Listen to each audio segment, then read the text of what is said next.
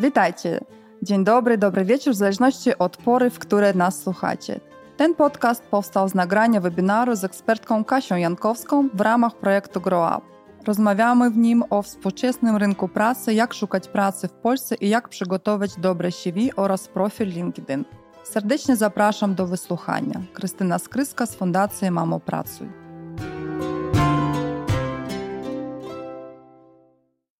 Witam Was bardzo serdecznie na pierwszym webinarze w projekcie Grow Up od Fundacji Mamo Pracuj. E, mam ogromną przyjemność prowadzić ten webinar w projekcie Grow Up, e, zwłaszcza, że to jest pierwszy webinar.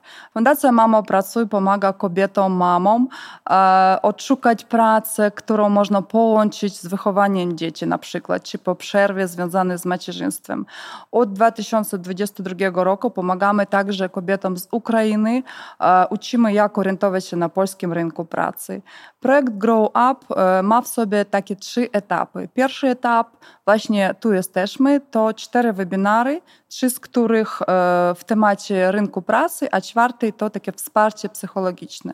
Drugi etap to będzie wsparcie indywidualne e, i językowe dla grupy 60 osób. I właśnie tam będą kursy językowe języka polskiego lub angielskiego. I trzeci etap to szkolenia w malopolskich ośrodkach czasowego zamieszkania. I dzisiejszy nasz temat to współczesny rynek pracy, jak szukać pracy w Polsce i jak przygotować dobre CV, a także o LinkedInie. I gościmy dzisiaj Kasię Jankowską. Cześć Kasiu. Cześć Krysiu, witam Was wszystkich. Um, ja powiem tak o, od, od siebie, tak? bo ja uważam, że jesteś po prostu człowiekiem takiego wielkiego serca i e, uważam tak nie tylko ja, a wielu osób, którym pomagasz i pomagasz e, i zawodowo, i osobiście. I bardzo się cieszę, że zaczynamy e, nasz projekt właśnie z webinarem e, w tym temacie i że gościmy Ciebie. Bardzo dziękuję, Krysiu. To ogromna przyjemność być tutaj dzisiaj z Tobą, być tutaj dzisiaj z Wami wszystkimi. Bardzo dziękuję za te słowa. I zanim zaczniesz temat, e, chciałabym o coś Cię zapytać, bo mhm. wiem już z naszych takich poprzednich spotkań, że masz 18 mm, lat e, takiego stażu zawodowego, jesteś e, HR-owcem i pracowałaś w sześciu różnych branżach. Wdrażasz i prowadzisz strategię HR w polskich oddziałach globalnych firm. Ale czy możesz opowiedzieć trochę więcej o, o Twojej takiej swojej historii zawodowej? Tak, dziękuję. Dziękuję za to wprowadzenie. Faktycznie już 18 plus, można powiedzieć, że dojrzałam zawodowo, odnosząc się do wieku 18 e, lat. I tak to zabrzmiało poważnie, zajmuję się strategią w firmach, ale z perspektywy dzisiejszego tematu myślę, że to, co chciałabym o sobie powiedzieć, to, że bywam też osobą poszukującą pracy jak wspomniałaś, dotychczas w sześciu branżach, e, u dobrych kilku pracodawców już kilkukrotnie byłam na rynku pracy jako osoba poszukująca. I ten proces poszukiwania pracy bywa trudny. Bywa trudny. To, co chciałam powiedzieć, e, to przytoczyć takie moje dwa doświadczenia z tego mojego poszukiwania pracy. Jedno doświadczenie zakończyło się pełnym sukcesem, a drugie e, doświadczenie zakończyło się przemyśleniami, refleksjami, ale nie ofertą pracy. I zacznę od tego pierwszego. E, od momentu, kiedy to było parę lat temu. Oba doświadczenia dotyczą sytuacji e, sprzed kilku lat. Pierwsze doświadczenie od momentu, kiedy podjęłam decyzję o poszukiwaniu pracy, nastawiłam się, że tak co najmniej taki dobry rok szukania, bo już e, miałam swoje doświadczenie, też już wiedziałam, czego chcę. W związku z tym powiedziałam sobie, żeby też samą siebie przygotować, dobry rok na takie rzeczywiście poszukiwanie. I od momentu, kiedy podjęłam decyzję i wysłałam pierwsze CV, do momentu otrzymania pracy upłynęło 6 miesięcy, kilkadziesiąt wysłanych CV, kilkadziesiąt, na kilkadziesiąt konkretnych ofert. I było to dla mnie zaskoczenie, dla mnie samej. E, natomiast e, kilkadziesiąt razy musiałam powiedzieć sobie tak, to jest to stanowisko, to jest ten pracodawca, u którego chciałabym spróbować. I to nie oznacza, że z tych kilkudziesięciu razy byłam kilkadziesiąt razy zaproszona na rozmowę kwalifikacyjną. Powiedziałabym, że to był lejek. Lejek, czyli kilkadziesiąt wysłanych CV, mniej otrzymanych informacji zwrotnych w postaci zapraszamy na pierwszą rozmowę kwalifikacyjną. Z tej liczby mniejsza liczba zaproszeń na kolejny etap. No i finalnie skończyło się tym, że jeden z tych pracodawców podjął decyzję w wyniku kilku rozmów, kilku etapów, że to właśnie ja jestem tym, no, to, tą najlepszą kandydatką. E, jeżeli tak się kończy proces, proces poszukiwania, to super. Natomiast nie zawsze tak jest. E, I Innym razem, kiedy podjęłam decyzję, że, że chciałabym zmienić miejsce pracy, podobnie jak wtedy, powiedziałam sobie, daję sobie dobry rok, żeby znaleźć miejsce, które będzie dla mnie ciekawe. Natomiast y, nie zakończyło się to żadną ofertą. I, I myślę, że to jest ważne, żeby nasi uczestnicy i nasze uczestniczki, rozpoczynając tą, tą drogę, potrafili poradzić sobie z frustracją, z demotywacją, e, być może ze złością. Może się tak pojawić, że będziemy wysyłać tak jak ja. Będziemy wysyłać naprawdę kilkadziesiąt, e, kilkadziesiąt, jeśli nie pod setkę CV na konkretne ogłoszenia. Może się zdarzyć, że w odpowiedzi otrzymamy ciszę ja w, tych, w każdym moim doświadczeniu poszukiwania pracy tak było. Ja nie na każde moje wysłane CV otrzymałam zaproszenie. Bardzo często nie było żadnej informacji zwrotnej, nawet takiej dziękujemy, ale są inni lepsi kandydaci. I wtedy przychodzi ten moment, że zadajemy sobie pytanie: to co jest ze mną nie tak? Myślę, że to pytanie trzeba przeformułować co jest w moim CV takiego, że być może ono nie trafia do, y, do pracodawców. Być może trzeba na to CV spojrzeć ponownie. Być może trzeba zaprosić właśnie osobę, która, która zna się na tym procesie, która występuje po stronie pracodawcy. Jeżeli mamy taką osobę w swoim, w swoim towarzystwie, jeżeli nie mamy, to poszukajmy. Zapytajmy, popatrzmy na swoje CV e, inaczej. Mnie się tak zdarzyło, że, y, y, że właśnie po braku informacji takiej pozytywnej, stwierdziłam, no coś musi być nie tak, nie ze mną, nie z moim doświadczeniem, tylko z tym, jak przedstawiam swoje kompetencje w CV. A z drugiej strony, to może być zupełnie przyczyna niezależna od nas. To może być przyczyna taka, że wysyłamy CV na ogłoszenie, gdzie rekruter otrzymuje setki, setki CV i nasze CV po prostu nie, może zostać pominięte. I to nie oznacza, że z naszym doświadczeniem, że nasze doświadczenie jest niewystarczające, czy też, że ten pracodawca ma źle ustawiony proces rekrutacji. Tak po prostu może się zdarzyć.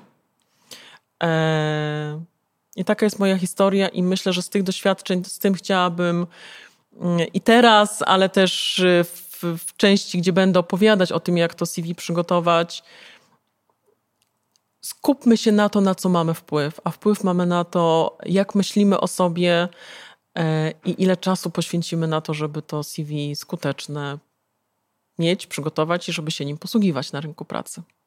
No dobrze powiedziałaś. Ja widzę, że znasz e, rynek mm, pracy po prostu doskonale i ze strony HR-owca, i ze strony osoby, która poszukuje pracy. Ale powiedziałaś no, w takim, tym, tej pierwszej części, jak szukałaś pierwszy raz, tak, o którym powiedziałaś, że byłaś zaskoczona, że e, długo nie było odzewu. A dlaczego byłaś zaskoczona? Bo oczekiwałaś, że... Tak, bo to był taki etap, e, no właśnie, to był taki już etap mojej drogi tej zawodowej, gdzie, gdzie jednak tak nabrałam trochę pewności siebie, że już e, nie jestem osobą początkującą, tylko mam już za sobą kilka dobrych lat doświadczeń zawodowych. E, poczułam się pewnie w tych doświadczeniach. To był też taki moment na rynku pracy, gdzie w tym moim obszarze zainteresowań te oferty się pojawiały, więc jak połączyłam jedno z drugim, yy, to jak ja samą siebie widziałam i to jak mi się wydawało, jak rynek może zareagować na mnie, no to nic, tylko mieć takiego pracownika. No ale potem się okazało, że jedno CV wysłane, drugie, dziesiąte, dwudzieste i nie ma odzewu. I nie ma odzewu. Ale są sytuacje, kiedy ten odzew się pojawia i trafiasz do finału, do finału, czyli do ostatniego etapu, kiedy ten wybór jest pomiędzy tylko i wyłącznie dwoma osobami, które kandydują. Eee, I nawet jeżeli się zdarzy, że tej oferty finalnie nie otrzymasz, to właśnie dla mnie to jest ten moment, żeby popatrzeć, nie, że mam porażkę, że nie otrzymałam tej oferty pracy, tylko ile włożyłam wysiłku, ile włożyłam e, pracy w przygotowanie się też do każdej rozmowy kwalifikacyjnej i ile się dzięki temu nauczyłam i o sobie, ale też poprzez udział w tych rozmowach o tym rynku pracy w zakresie no, tych spotkań, które, które odbywałam. Także poszukiwanie pracy, ja nazywam, że to jest też praca, jeżeli rzeczywiście podejmujemy taką świadomą decyzję, ale to jest też świetny sposób na poznanie siebie i poznanie. Yy, no właśnie otoczenia, w którym, w którym się znajdujemy. Więc można, do, można się doskonalić. Absolutnie, absolutnie. Dobra, dziękuję Ci za Twoją historię. I e, teraz przejdziemy do naszego tematu. I na razie macie taką chwilkę przerwy. Możecie sobie zrobić kawę, herbaty, a my zaprosimy Kasię do biurka i oddam Ci głos.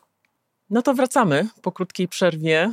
E, mam nadzieję, że zdążyliście chwilę odsapnąć, uzupełnić wodę, herbatę, e, bo teraz przed nami część, w której chciałabym opowiedzieć o tym, jak szukać tej pracy na polskim rynku pracy przy użyciu narzędzi. Narzędzi takich jak CV i profil LinkedIn. Dokładnie o czym dzisiaj będziemy rozmawiać. Um, dlaczego w ogóle CV jest potrzebne? Dlaczego w ogóle profil LinkedIn? Dlaczego w ogóle o tym rozmawiamy? Jak przygotować dokładnie ten dokument, który nazywa się CV czy też życiorys? E, jak może się to narzędzie przydać w wypełnieniu, w przygotowaniu naszego profilu indywidualnego na LinkedIn? Jak mówić o tych przerwach w zatrudnieniu. To jest taki, e, czy może być też trudniejszy moment w tym, jak to napisać i po tym, jak o tym opowiedzieć w trakcie rozmowy, nawet jak o tym nie napiszemy. E, no i będzie ostatnia część na pytania i na odpowiedzi. No to zaczynamy. Dlaczego? Dlaczego CV, dlaczego profil LinkedIn?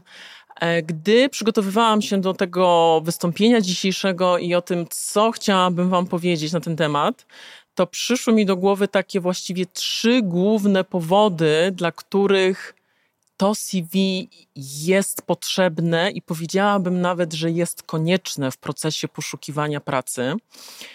E, po pierwsze, są to po prostu narzędzia rynku pracy. E, rynek pracy, powiedziałabym, tego wymaga. Jest to taka praktyka, która na polskim rynku pracy jest już od zarania i e, w, w, organizacjach, w których występują pewne standardy, jednak jest to narzędzie w postaci naszego życiorysu, naszego CV jest potrzebne. E, a LinkedIn to jest, powiedziałabym, e, takie nowoczesne, nowoczesne CV, nowoczesne CV, które jest wykorzystywane przez rekruterów. Oba narzędzia, zarówno CV, jak i nasz profil LinkedIn, to jest nasza wizytówka zawodowa. I teraz, w zależności od tego, kto na nie spogląda i jak my tą, tą wizytówkę przygotujemy, możemy zwiększyć lub niekoniecznie nasze szanse na tym rynku pracy, ale też proces, to jest ten trzeci powód, proces przygotowania CV e, powiedziałabym jest kluczowy w kontekście przygotowania się do rozmów kwalifikacyjnych, ale też jest to szansa na to, abyśmy lepiej siebie poznały i poznali E, w, w tym procesie przygotowywania, e, opisywania naszej ścieżki zawodowej, naszej ścieżki edukacyjnej. Także takie trzy główne powody, dla których właśnie o tych narzędziach e, dzisiaj będziemy rozmawiać. Ja w trakcie mojej prezentacji postaram się przybliżyć te, te powody, ale właściwie to chciałabym się skupić na tym, że tym takim celem nadrzędnym, to jest cel nadrzędny, chcemy otrzymać zaproszenie na rozmowę kwalifikacyjną. I to jest cel CV. I chciałabym, żebyście o procesie szukania pracy i o jego poszczególnych etapach właśnie myśleli etapami. Czyli znajdując ogłoszenie o pracę, myślimy o tym, chcę dostać się na rozmowę kwalifikacyjną. Bo celem rozmowy będzie dostanie się na kolejny etap. I tak dalej, aż do finału, aż do otrzymania oferty pracy. Czyli celem nadrzędnym, pierwszym i głównym chcemy otrzymać zaproszenie na rozmowę kwalifikacyjną. Natomiast jak myślimy, jak myślę też o tym, o tych powodach, to na część z nich mamy wpływ, a na część z nich mamy wpływ, powiedziałabym, niemal stuprocentowy.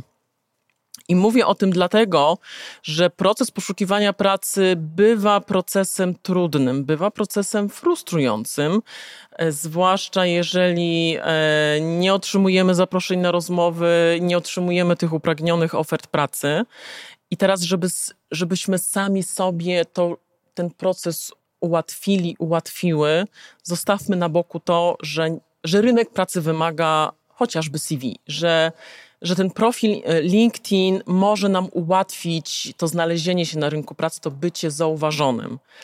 Odstawmy to na bok. Na to nie mamy wpływu. Jeżeli nie mamy na to wpływu, to zajmijmy się tym, e, gdzie, e, gdzie ten wpływ jest. I jest to właśnie, to są te dwa elementy, które tutaj wyświetliłam, czyli to, że jest to nasza wizytówka i jej właściwe, odpowiednie przygotowanie e, może te szanse zwiększyć, ale przede wszystkim możemy też poznać siebie e, przez pryzmat spojrzenia wstecz na swoje doświadczenie zawodowe, co oznacza nasze kompetencje, nasze umiejętności, o czym będziemy mówić podczas rozmowy kwalifikacyjnej. I idąc dalej, to nasze spotkanie, tą część e, naszego spotkania, czyli prezentację e, o CV, wyznaczy nam układ tego CV. I podejrzewam, że być może większość z Was tu obecnych widziało już wiele układów CV, cały internet jest bogaty w różnego rodzaju strony internetowe. Ja w czasie naszego dzisiejszego spotkania chciałabym się skupić na takim klasycznym układzie, e, który jest e, efektem moich własnych doświadczeń, zarówno jako osoby poszukującej pracy, ale też e, osoby, która z kandydatami i kandydatkami do pracy rozmawia. To jest taki miks tych obu perspektyw, ale też jeżeli są wśród Was takie osoby, które tego CV jeszcze nie mają, nie mają jeszcze profilu, to może ułatwić podejście do tego przygotowania. I jaki jest ten układ? E, to jest nagłówka, to jest nagłówek i to jest stopka. To jest taka część, którą nazywam podsumowanie. To jest sekcja doświadczenie zawodowe następnie sekcja wykształcenie czy szeroko pojęte działania, e, działania edukacyjne, działania rozwojowe i sekcja dodatkowe informacje, które nie mieszczą się w tych e, wcześniejszych. I tutaj przy, przy tym elemencie taka ważna informacja, e, rynek pracy, CV, rozmowy kwalifikacyjne, ta część rynku pracy jest uregulowana przepisami y, y, y, kodeksu pracy, przepisów prawa pracy. I ten element nie jest wolny od tego, co przepisy mówią na temat tego, czego pracodawca ma prawo oczekiwać, jakich informacji, jakich danych od Was, czyli od kandydatów, jeszcze nie pracowników. I w związku z tym, jakich informacji jesteście zobowiązani i zobowiązane udzielić.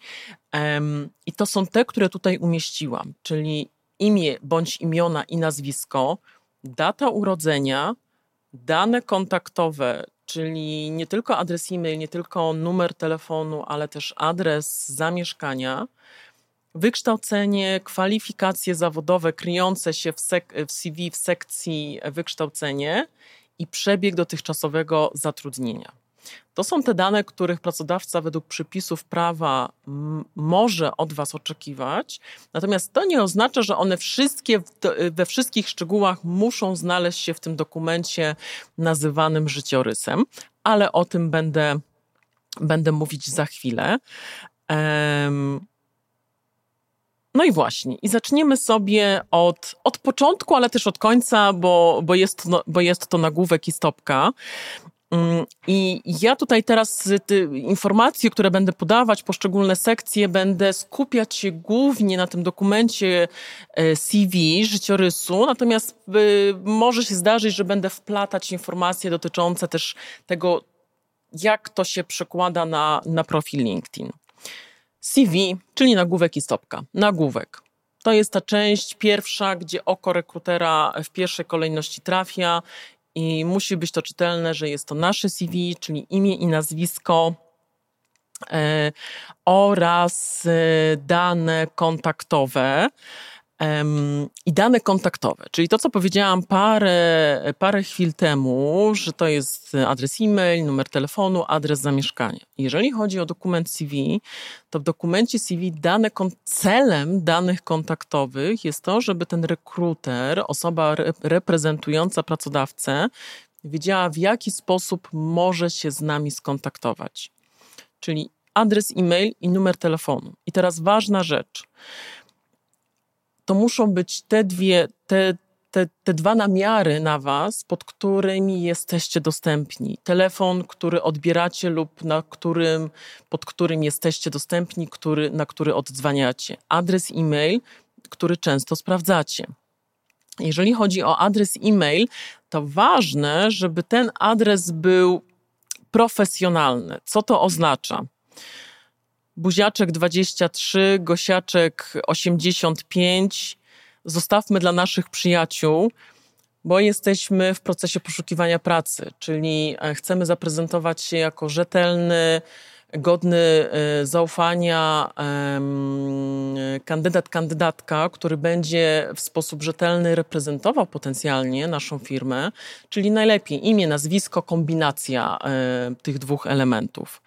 Jeżeli macie już e, stworzony swój profil LinkedIn, to jak najbardziej link do, link do waszego profilu można w tej części nagłówkowej CV zamieścić. Rekruterzy tak czy inaczej w dzisiejszych czasach na ten LinkedIn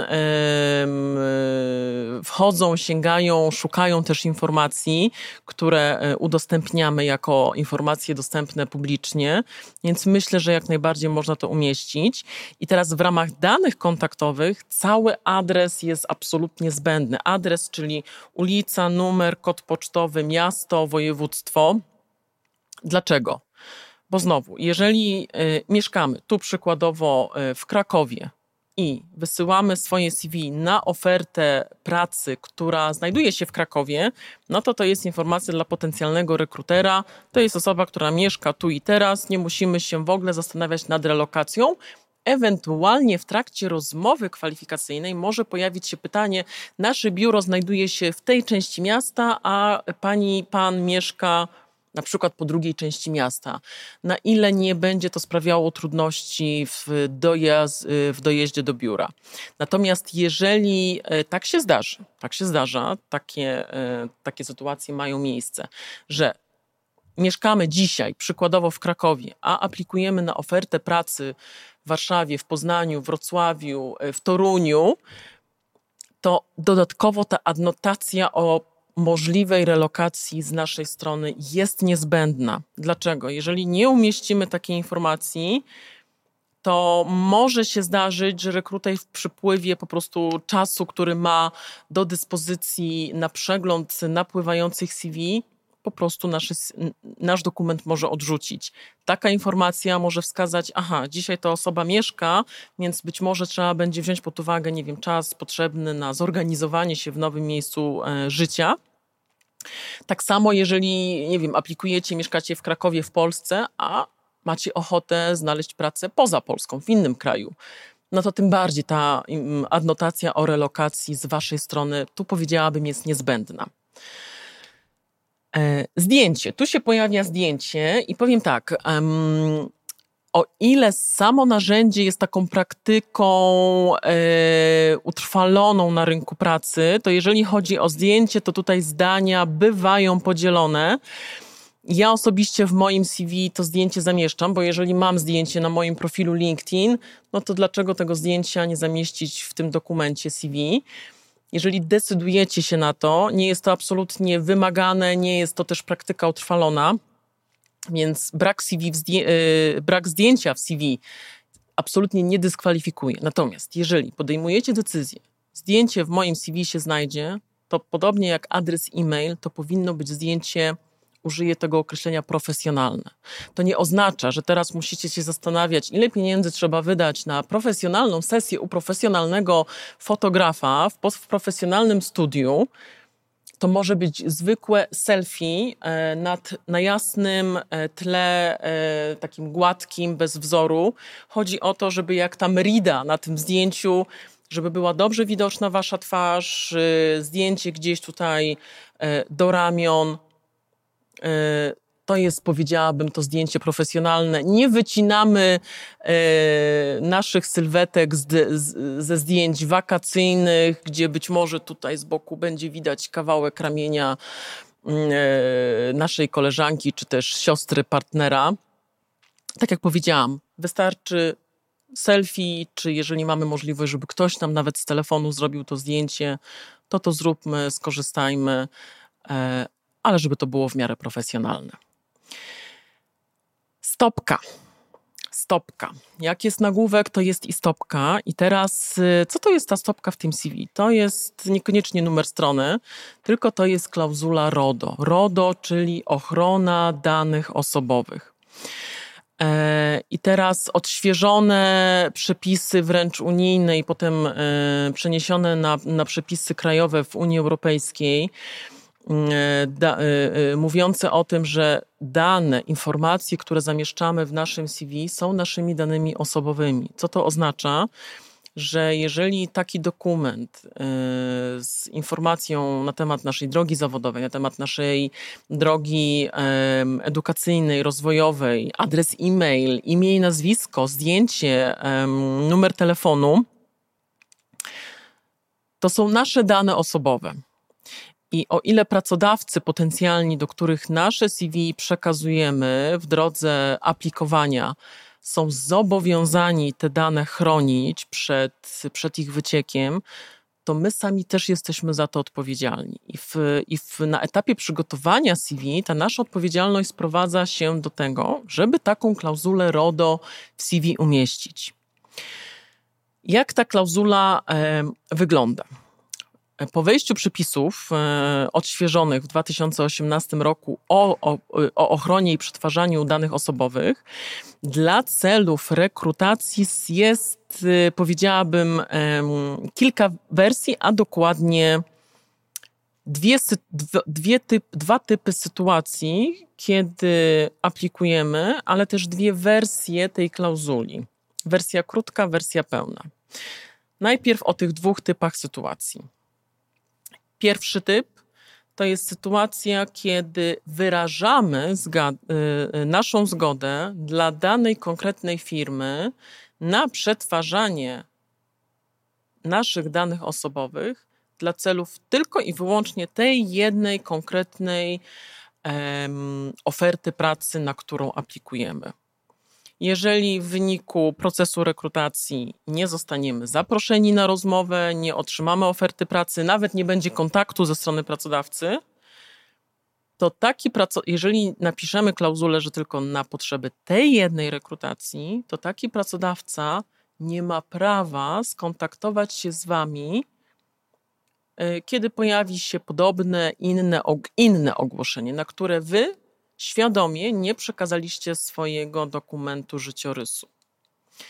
Drugi typ sytuacji, kiedy aplikując na konkretne ogłoszenie lub nawet na tak zwaną aplikację e, spontaniczną, czyli bez wskazywania konkretnej, konkretnego stanowiska, wyrażacie zgodę na przetwarzanie waszych danych osobowych na potrzeby tej konkretnej rekrutacji, ale też na potrzeby przyszłe. Czyli pojawi się jeszcze raz takie samo ogłoszenie, albo pojawi się inne, podobne, zbliżone, gdzie, gdzie wasze kompetencje wynikające z waszego życiorysu mogą być przydatne, to wy się zgadzacie, nie wiedząc, że na przykład za trzy miesiące albo za cztery miesiące, nie, nie wysyłając CV, taki pracodawca, taki rekruter może się z wami skontaktować. I to były te dwie typy sytuacji rekrutacji, e, gdzie ta klauzula jest wymagana. I teraz, niezależnie, czy jest to ta jedna konkretna, czy ta jedna konkretna i przyszłe rekrutacje, dwie wersje klauzuli. Wersja krótka i wersja pełna. E, wszystkie wersje, krótka, pełna, do obu typów sytuacji, jak i też y, wersja w języku angielskim znajduje się w materiałach na stronie projektu, gdzie Was e, serdecznie e, odsyłam i zachęcam e, do sięgnięcia. Teraz chciałabym powiedzieć o tym, że jest wers o jednej wersji do, jednej typu, do jednego typu sytuacji i o drugiej wersji do, do drugiego typu sytuacji. Wersja krótka klauzuli RODO na potrzeby tej tej rekrutacji i przyszłych. Wyrażam również zgodę na przetwarzanie moich danych osobowych w celu prowadzenia tej i przyszłych rekrutacji przez i tutaj nazwa firmy. To jest wersja krótka, bez wskazywania, odnoszenia się do konkretnych przepisów em, e, prawa pracy. To jest jak najbardziej wersja zgodna z prawem i obligująca tego potencjalnego waszego pracodawcę do zapewnienia ochrony danych, które przekazujecie w CV. Ja osobiście, ale to jest moje zupełnie osobiście, y, y, moje osobiste zdanie, wypływające gdzieś z moich przekonań, ja lubię się odnosić do przepisów, więc y, jest też wersja pełna, którą ja gdy ja jestem na rynku pracy jako osoba poszukująca w moim CV stosuję. Jest to wersja pełna, która już się do tych przepisów odnosi. I jest to już wersja taka zdecydowanie, powiedziałabym, bardziej skomplikowana, jak się na nią patrzy e, i jak się ją czyta. To znaczy, wyrażam zgodę na przetwarzanie moich danych osobowych dla potrzeb niezbędnych do realizacji procesu rekrutacji na aplikowane przeze mnie stanowisko zgodnie z i tu już pozwolę sobie nie czytać tych skomplikowanych przepisów odnoszących się do rozporządzenia Parlamentu Europejskiego z dnia roku numer. Natomiast jeżeli zdecydujecie się, że właśnie te wersje klauzuli chcecie zastosować, niezależnie czy, czy to jest jedna, jeden typ sytuacji, czy drugi, upewnijcie się, że są to, że jest to aktualna klauzula, że jest to aktualna klauzula odnosząca się do właściwego rozporządzenia um, nagłówek i stopka. Czyli od tego zaczynamy. Idziemy dalej. Idziemy dalej, to znaczy e, idziemy do podsumowania. I wydaje się, że podsumowanie powinno być na końcu, no bo tak nas uczyli e, w szkole. Natomiast e, podsumowanie e, w samym dokumencie CV piszemy niemal na początku, to znaczy zaraz pod nagłówkiem Natomiast sugeruję, żeby przygotować je faktycznie na końcu, to znaczy po tym, jak e, nie tylko spiszemy nasze doświadczenie zawodowe, ale też wykształcenie czy inne informacje, ale też przeanalizujemy to. Dlaczego? ponieważ to podsumowanie to jest taka część CV, która, gdzie, jak, gdzie gdy rekruter mm, otworzy wasze CV, to to jest taka część pierwsza, gdzie sięga swoim wzrokiem i przeczytawszy tych kilka zdań, już ma pierwszy obraz waszej sylwetki, waszych doświadczeń, waszej kompetencji. E, I może sobie gdzieś zbudować, aha, to jest osoba, która ma doświadczenie, kompetencje, umiejętności, więc szybki screen przez, e, przez wasz dokument i w, być może to CV w takim właśnie momencie zostanie zaznaczone jako osoba do zaproszenia. Tutaj zrobię stop klatkę, ponieważ odnoszę się już kilkukrotnie do osoby rekrutera. Dzisiaj, w dzisiejszym, słuchajcie, świecie są takie stanowiska, na które rekruterzy otrzymują, uwierzcie mi, na swoje oczy widziałam wręcz setki, setki zgłoszeń.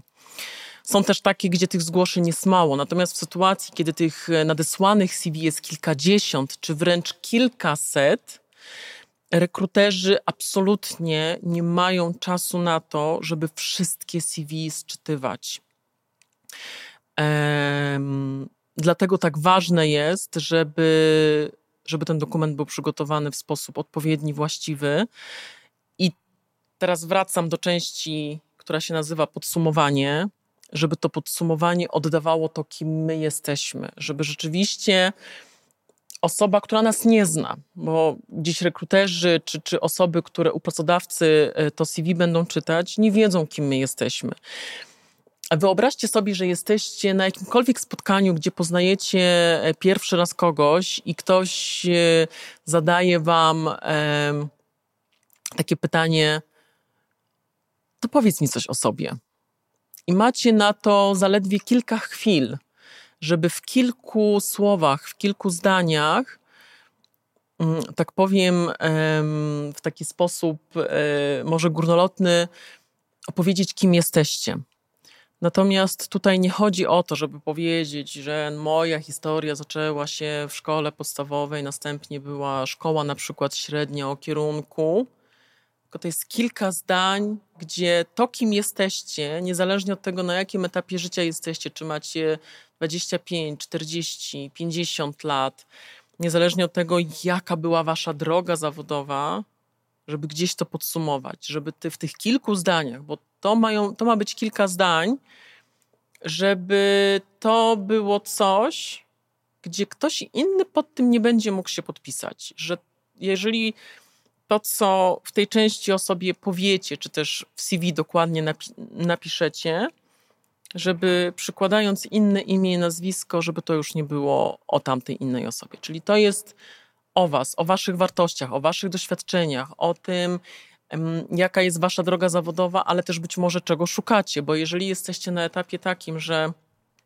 że być może decydujecie się na zmianę swojej ścieżki zawodowej, no to, yy, a jeżeli w CV widać przykładowo sprzedaż, a chcecie przejść do y, obszaru IT, no to trzeba to w taki sposób podsumować, żeby ten pracodawca z tych kilku zdań wiedział, aha, to jest osoba otwarta na zmianę i doświadczenie, kompetencje z dotychczasowych stanowisk, przy, jakby z tego naszego przykładu sprzedaży, e, do tego nowego obszaru jak najbardziej mogą się przydać.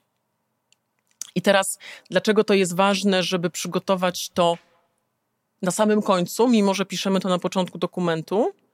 bo dokładnie tą część możecie wykorzystać w doskonały sposób podczas rozmowy kwalifikacyjnej. Bardzo często rekruterzy, ja również w taki sposób zaczynam rozmowy kwalifikacyjne z kandydatami, z kandydatkami, żeby to jest takie pytanie na rozgrzanie.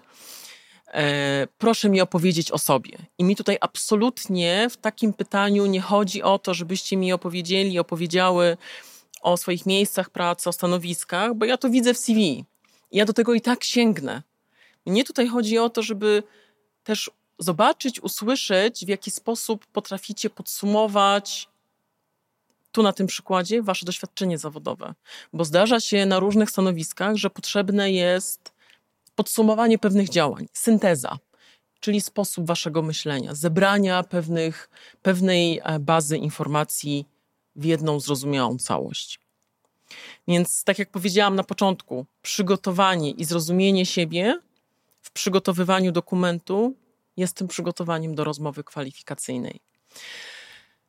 I takich przykładów polecam Wam, jak nie wiecie od czego zacząć, e, to znowu odsyłam do strony projektu, gdzie gdzie są materiały o przygotowywaniu CV i profilu LinkedIn, gdzie znajdziecie więcej informacji, ale też przykłady e, z takimi podsumowaniami, ale też zachęcam Was, no właśnie, do sięgnięcia do, e, do platformy LinkedIn i po prostu zobaczenia, jakie inni piszą o sobie, do zainspirowania się, jak to robią inni. Idziemy dalej. To była, to była nagłówek, była stopka, było podsumowanie, a teraz idziemy do tej części, która jest, powiedziałabym, sercem CV, częścią główną, czyli doświadczenie zawodowe, sekcja, doświadczenie zawodowe i sekcja wykształcenie. I teraz obie te sekcje, co jest ważne, żeby przygotować w tak zwanej chronologii odwróconej. To znaczy, od ostatnich czy miejsc pracy, czy etapów e, e, e, edukacji do tych najstarszych. Dlaczego? Bo, te, bo to ostatnie, to najświeższe miejsce pracy, czy też jakiś etap naszej drogi, naszej drogi rozwojowej mówi, mówi o nas, o naszych kompetencjach. To są te ostatnie sytuacje, z którymi się mierzymy w miejscu pracy, gdzie musieliśmy wykazać się e, naszymi umiejętnościami, pokazać naszą wiedzę, e, czy też zdobyć nowe kompetencje. I teraz, e, co jest ważne w takim powiedziałabym stylistycznym opracowaniu obu sekcji, sekcji doświadczenia zawodowego i sekcji wykształcenia, czytelność. Czytelność i taka, powiedziałabym, jasność, klarowność tego dokumentu, zwłaszcza jeżeli macie za sobą już długą ścieżkę zawodową i być może tych pracodawców było więcej, a nawet jeżeli było ich zaledwie kilka, dwa, dwóch, trzech pracodawców, to, te, to ten zakres obowiązków może być na tyle szeroki, że, że mimo wszystko to CV będzie ilościowo właśnie szerokie, kompletne. Więc co jest ważne? Żeby nazwę pracodawcy, żeby nazwę naszego stanowiska pracy, czy też w odniesieniu do wykształcenia, nazwę uczelni, nazwę szkoły, czy nazwę jakiejś innej placówki, gdzie zdobywaliśmy um, wiedzę, e, czy też się doszkalaliśmy, żeby na przykład zrobić czcionką pogrubioną. Dlaczego? Bo znowu, przywołuje sytuację e, dnia codziennego rekruterów i rekruterek, to są osoby, które muszą w bardzo szybki sposób przeskanować niejednokrotnie setki CV dziennie. Więc ta łatwość wychwycenia na pierwszy rzut oka tych informacji pozwala takiemu rekruterowi sięgnąć głębiej. Aha, firma taka z branży, stanowisko y, y, podobne, rzucam okiem na zakres obowiązków. W odniesieniu jeszcze do sekcji doświadczenie zawodowe e, i do nazwy naszych pracodawców. Na dzisiejszym rynku pracy tych pracodawców jest niezliczona ilość i nie wszyscy pracujemy, czy pracowaliśmy w, w markach u pracodawców, którzy są znani bardzo szerokiej populacji. Dlatego ważne, i to sugeruje, to sugeruje z mojej perspektywy jako osoby, która poszukiwała, poszukuje osób do pracy, żeby być może gdzieś w nawiasie napisać branżę, branżę, w jakiej działa nasz pracodawca, bo to może też ułatwić takiemu, takiemu rekruterowi gdzieś powiązanie e, waszego profilu z tym, jakiej osoby, z jakim doświadczeniem szuka ten potencjalny pracodawca.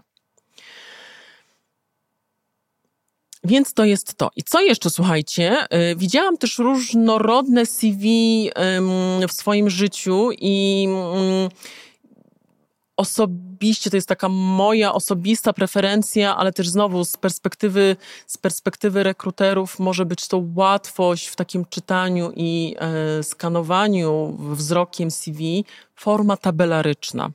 Forma tabelaryczna pozwala nam też uporządkować, uporządkować treść, uporządkować sposób, w jaki ta sekcja doświadczenia zawodowego i wykształcenia wygląda. Mm, prosta tabela. Prosta tabela, po jednej stronie e, pracodawca, stanowisko, zakres obowiązków, w drugiej kolumnie te czasookresy zatrudnienia bądź też zdobywania wiedzy. I teraz w odniesieniu, zatrzymam się na chwilkę do doświadczenia zawodowego, w odniesieniu do właśnie doświadczenia zawodowego i tego zakresu odpowiedzialności. I to jest, słuchajcie, w tym CV, to jest, powiedziałabym, taki dość trudny element do przygotowania. I co sugeruję? Sugeruję, żeby pisać w punktach to, za co byliśmy, byłyśmy odpowiedzialni. Czyli nie dokładnie, co robiliśmy, bo Wezmę przykład y, osoby, która zajmuje się sprzedażą, niezależnie do jakiego klienta zewnętrznego, y, indywidualnego, B2B. Y, Handlowiec, żeby um, podpisać umowę, zwiększyć wartość sprzedaży, zwiększyć ilość klientów, musi wykonać szereg czynności. Nie, na przejrzeć bazę klientów, przejechać się po jakimś terenie przemysłowym, żeby zobaczyć, jakie firmy działają na danym terenie. Musi wykonać yy, ileś, yy, ileś, ileś telefonów, ileś rozmów, wysłać ileś ofert, e, pójść na jakąś niezliczoną liczbę spotkań, która w finale doprowadzi do tego, że jest umowa podpisana, produkt jest dostarczony. Dlaczego o tym mówię? Żeby w CV rozróżnić to, co robimy, od tego, za co jesteśmy odpowiedzialni, czyli do czego ma doprowadzić nasze działanie. E, ten zakres odpowiedzialności w CV piszemy równoważnikami. Równoważnikami powiedziałabym kluczowymi słowami. Równoważnikami, czyli zapewnianie, za, yy, zapewnianie wysokiej satysfakcji klienta, utrzymywanie wysokiego poziomu sprzedaży, negocjowanie warunków yy, handlowych, czyli czasowni, rzeczowniki odczasownikowe, kluczowe słowa, z którymi być może się spotkaliście, być może nie.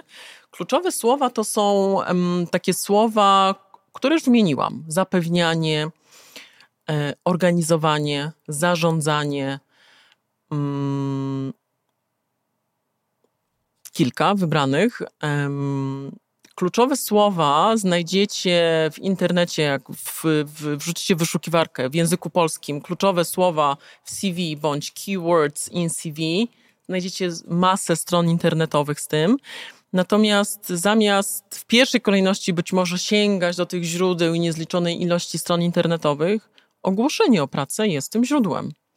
Ogłoszenie o pracę jest skonstruowane w taki sposób, że jest sekcja, e, czym się będziesz zajmować, i kim jesteś, o tobie. Ona jest różnie nazywana. Profil, nasze wymagania i kluczowe słowa w odniesieniu do danego stanowiska pracy, u danego pracodawcy konkretnego są właśnie tam. Więc inspirujcie się tym. Eee, sprawdźcie, które rzeczywiście odpowiadają temu, czym wy się zajmowaliście e, w waszych miejscach pracy i w taki sposób dostosujcie też wasze, wasze CV. Natomiast y, to, co mówię, zainspirujcie się, sięgnijcie, zobaczcie, co tam jest napisane, nie oznacza, żeby przepisywać, tylko żeby się zainspirować i żeby faktycznie użyć takich słów, które być może są w tej chwili też gdzieś w takim, powiedziałabym, standardowym obiegu i znowu być może y, tym rekruterom y, też ułatwiają życie, gdzieś wychwycenie takich zakresów obowiązków.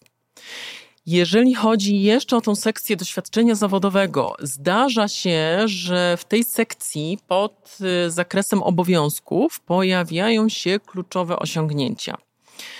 One mogą się tam pojawić, nie muszą.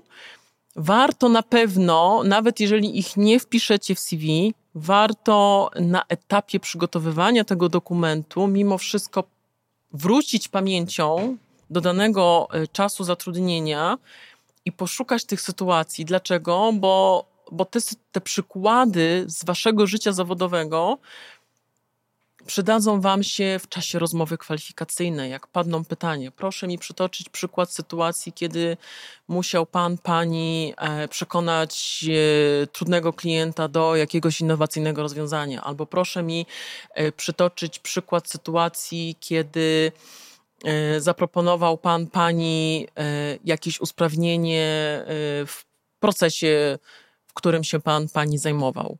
I to są dla Was znowu przygotowanie, żeby na te pytania odpowiadać, ale jeżeli jesteście w stanie takie rzeczywiście osiągnięcia e, wy, wyłuskać z waszego doświadczenia, które by mówiły, że zwiększyliście przykładowo o x wartość sprzedaży, o x liczbę klientów, usprawniliście, nie wiem, proces fakturowania, czyli pokazać w jak najbardziej wymierny sposób to, co zrobiliście i jaką to wartość przyniosło waszemu pracodawcy, i tą wartością nie zawsze muszą być pieniądze.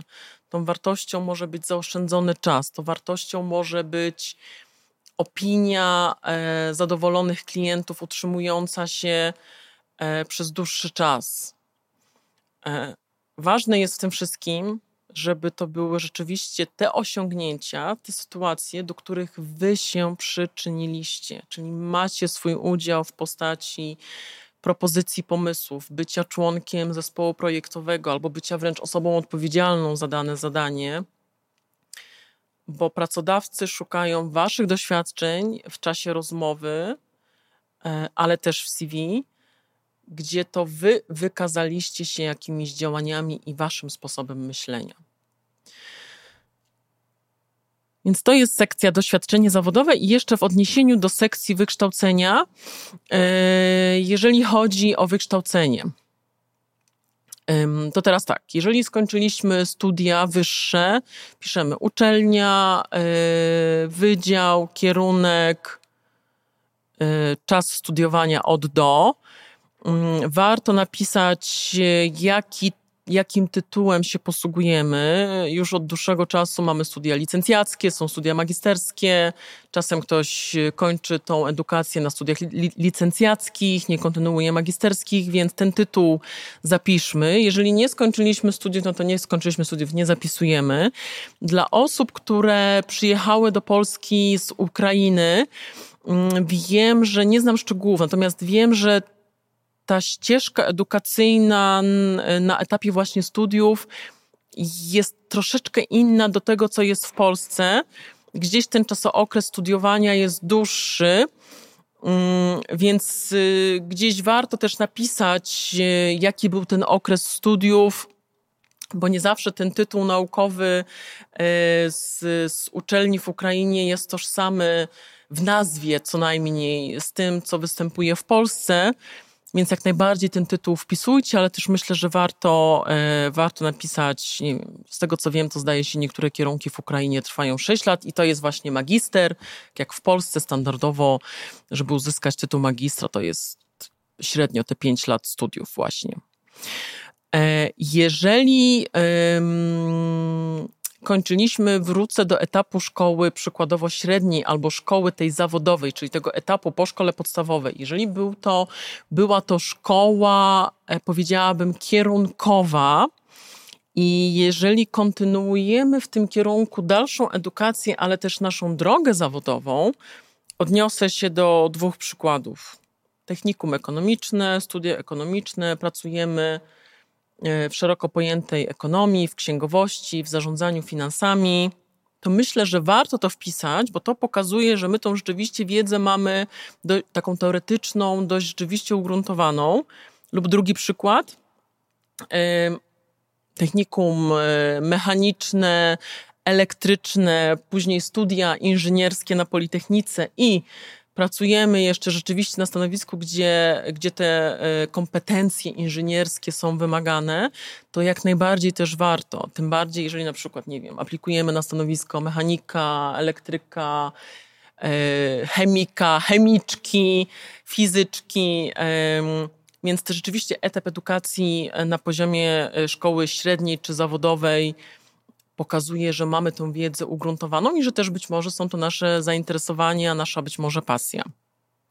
Warto też w tej sekcji wykształcenia wpisać nie tylko tą, ten etap taki, takiej formalnej edukacji, ale jeżeli e, kończyliśmy, nie wiem, studia podyplomowe, czy jakiś program, nazwę to szkoleniowy, który trwał nie wiem, kilka miesięcy, to jak najbardziej warto to wpisać, tym bardziej jeżeli, nie wiem, to było jakiś rzeczywiście taki program merytoryczny, dający nam e, kompetencje, nie tylko merytoryczne w ujęciu ekonomia, inżynier, mechanik, kosmetyczka, ale też chociażby e, programy, które oferuje e, Mamo Pracuj, myślę, są takim świetnym przykładem takiego programu, powiedziałabym, edukacyjno-zawodowego, bo zdobywamy doświadczenie, zdobywamy wiedzę, poznajemy też inne osoby, więc jeżeli jesteśmy uczestniczką, uczestnikiem takiego właśnie programu organizacji Mamo Pracuj, to powiedziałabym nie tylko e, można, ale trzeba jak najbardziej to w swoim CV uwzględnić. Idąc dalej, idąc dalej do kolejnej sekcji naszego CV, dodatkowe informacje. I teraz e, być może spotkaliście, spotkałyście się z różnymi sekcjami, osobno języki obce, osobno szkolenia, E, osobno prawo pracy, osobno zainteresowania.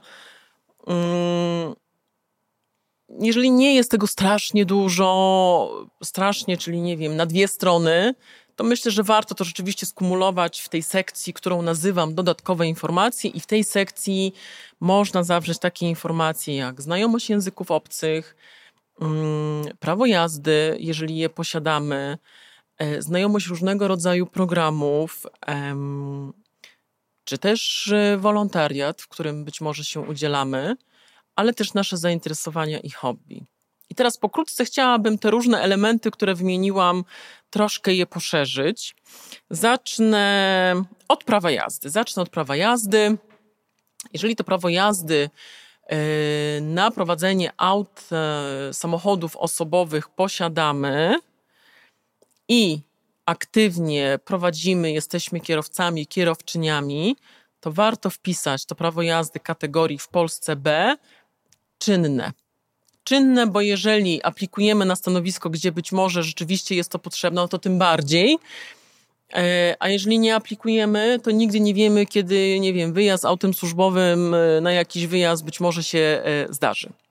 Jeżeli nie jesteśmy aktywnymi osobami prowadzącymi auto, czyli dawno temu zrobiliśmy, zrobiłyśmy kurs, ale od tamtego czasu jesteśmy dumnymi tylko i wyłącznie posiadaczami i posiadaczkami e, tego małego dokumenciku w naszym e, portfelu, wpiszmy to. Jak najbardziej tak, bo tego się nie zapomina. Jak trzeba będzie wsiąść w auto, nawet po 10 latach od zrobienia kursu, wsiądziemy. Chyba, że wiemy, że nie, to wtedy takie informacje jak najbardziej nie wpisujcie. Idąc dalej. Znajomość języków obcych. No i teraz tak. E, jeżeli jesteśmy osobami, które e, przyjechały do Polski i ten język polski jest naszym językiem, nie pierwszym, nie językiem ojczystym, wpiszmy nasz język ojczysty. Jeżeli chodzi o języki inne, obce, to teraz jest kwestia, w jaki sposób opisać ten poziom znajomości. I teraz słuchajcie, jeżeli CV jest, wasze całe CV jest przygotowane w języku polskim i do określenia znajomości języka, przykładowo angielskiego, napiszecie komunikatywny, to dla mnie, jako dla osoby rozmawiającej z kandydatami i kandydatkami do pracy, to oznacza, że taka osoba zapytana w trakcie rozmowy kwalifikacyjnej Let's switch into English, żeby fragment rozmowy poprowadzić w języku angielskim, nie spanikuje, przerażona, że teraz nagle musi coś powiedzieć w języku angielskim. Być może będzie zestresowana, ale w tym języku będzie się porozumiewać, nawet robiąc jakieś błędy. To jest dla mnie język, to jest dla mnie poziom komunikatywny, poziom Zaawansowany to jest rzeczywiście poziom, kiedy wiem, że taka osoba swobodnie w miejscu pracy w języku angielskim będzie pracować zwłaszcza jeżeli będzie konieczność brania aktywnego udziału w spotkaniach, które są prowadzone w tym języku. Jeżeli nie jesteście na takim poziomie, to warto zrewidować to, w jaki sposób ten poziom znajomości określacie. Jeżeli macie za sobą zdany certyfikat, język angielski, język niemiecki, być może język francuski e, czy inne języki mają takie certyfikaty, mm, które są uznawane e, międzynarodowo w języku angielskim, przykładowo jest to FCE, CE. Jeżeli taki certyfikat posiadacie i rzeczywiście tym językiem się posługujecie, to myślę, to warto, warto wpisać. Natomiast jeżeli ten certyfikat był zdany x lat temu i od tamtego czasu ten wasz język obcy się przykurzył, że zaproszenie na rozmowie kwalifikacyjnej w formie let's switch into English wzbudzi w was yy, stres i napięcie, to nie wpisujmy. Jeżeli, i to jest yy, taka wskazówka, zwłaszcza dla tych z Was, którzy i które przyjechaliście do Polski e, z Ukrainy. Jeżeli jesteście w trakcie nauki języka polskiego czy angielskiego i ten poziom jeszcze nie jest na tyle, żeby właśnie gdzieś nawet w, się komunikować, nawet z błędami, ale jesteście w trakcie kursu i uczycie się i macie w sobie tą determinację, żeby się nauczyć, jak najbardziej wpisujcie. Język polski, język angielski, nie wiem, poziom zaawansowany, czy nawet jeżeli macie ten poziom A1, A2, B1 przez waszą szkołę językową określony, wpiszcie to z adnotacją w trakcie nauki, bo to pokazuje, że jesteście na tej drodze. I to może być taki fajny na rozmowie kwalifikacyjnej, yy, nawet na początku tej rozmowy taki rozluźniacz, właśnie takie zapytanie, uczy się pan, pani języka polskiego, jak długo, jak idzie, więc, e, więc nigdy nie wiecie, która informacja z waszego CV e, właśnie na rozładowanie atmosfery na początku rozmowy może się przydać. Kolejny element, znajomość różnego rodzaju programów. I zacznę od znajomość Microsoft Office, czy też y, odpowiednika środowisko Google'owe. Dzisiaj też sporo firm e, pracuje właśnie w tym środowisku. I teraz ważna uwaga. E, z mojej perspektywy, jako osoby, y, która ma doświadczenie w poszukiwaniu osób do pracy. Jeżeli wpisujecie znajomość Microsoft Office, to dla mnie to oznacza znajomość Word, Excel, PowerPoint co najmniej i Outlook na poziomie powiedziałabym, takim średnio zaawansowanym, to znaczy wiecie, w jaki sposób wyedytować dokument mm, z różnego rodzaju e, akapitami, spisami treści, formatowaniem w Wordzie. E, jeżeli chodzi o Excela, wiecie, e, co najmniej znacie tabelę przestawną, wiecie, jak zrobić wykres i funkcję wyszukaj pionowo to dla, dla takich stanowisk, które na co dzień nie pracują z Excelem, to jest takie, powiedziałabym, myślę, y, minimum. Jeżeli nie przygotowywaliście w swoim doświadczeniu prezentacji PowerPoint, gdzie wymagane były mm, nie tylko umiejętności, nie wiem, przygotowania slajdów, animacji, ale też w ogóle filozofia, w jaki sposób te slajdy powinny być przygotowane, to Microsoft Office może być zbyt szerokie. Jeżeli któryś z tych programów znacie, bo pracowaliście w poprzednim miejscu pracy, to nazwijcie go ten program z imienia Word, Excel, PowerPoint, Outlook.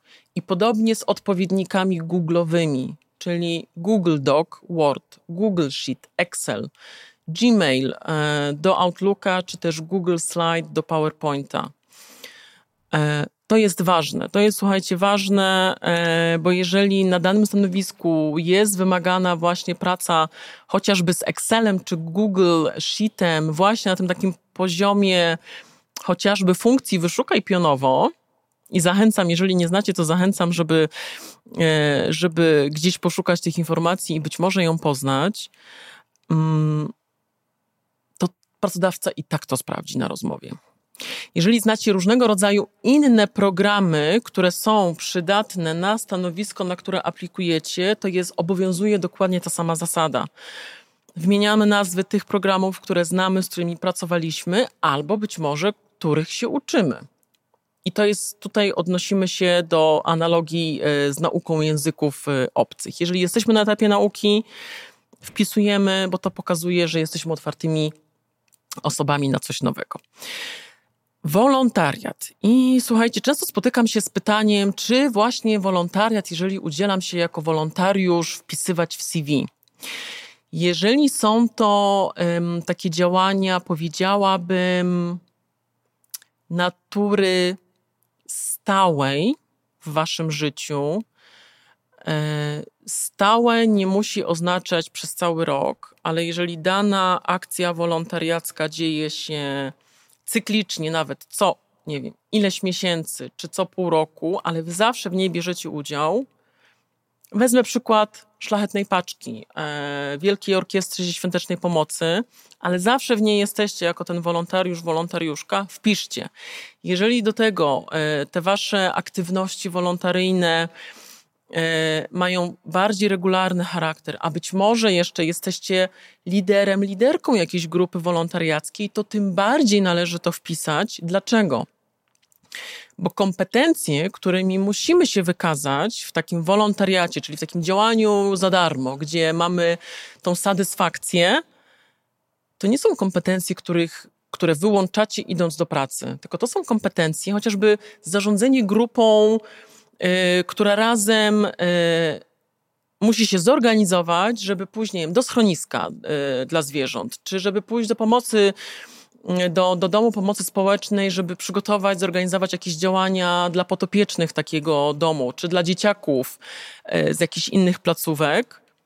Zorganizowanie, współpraca w zespole, komunikatywność. Jeżeli jesteście jeszcze liderem, liderką grupy, zarządzanie grupą.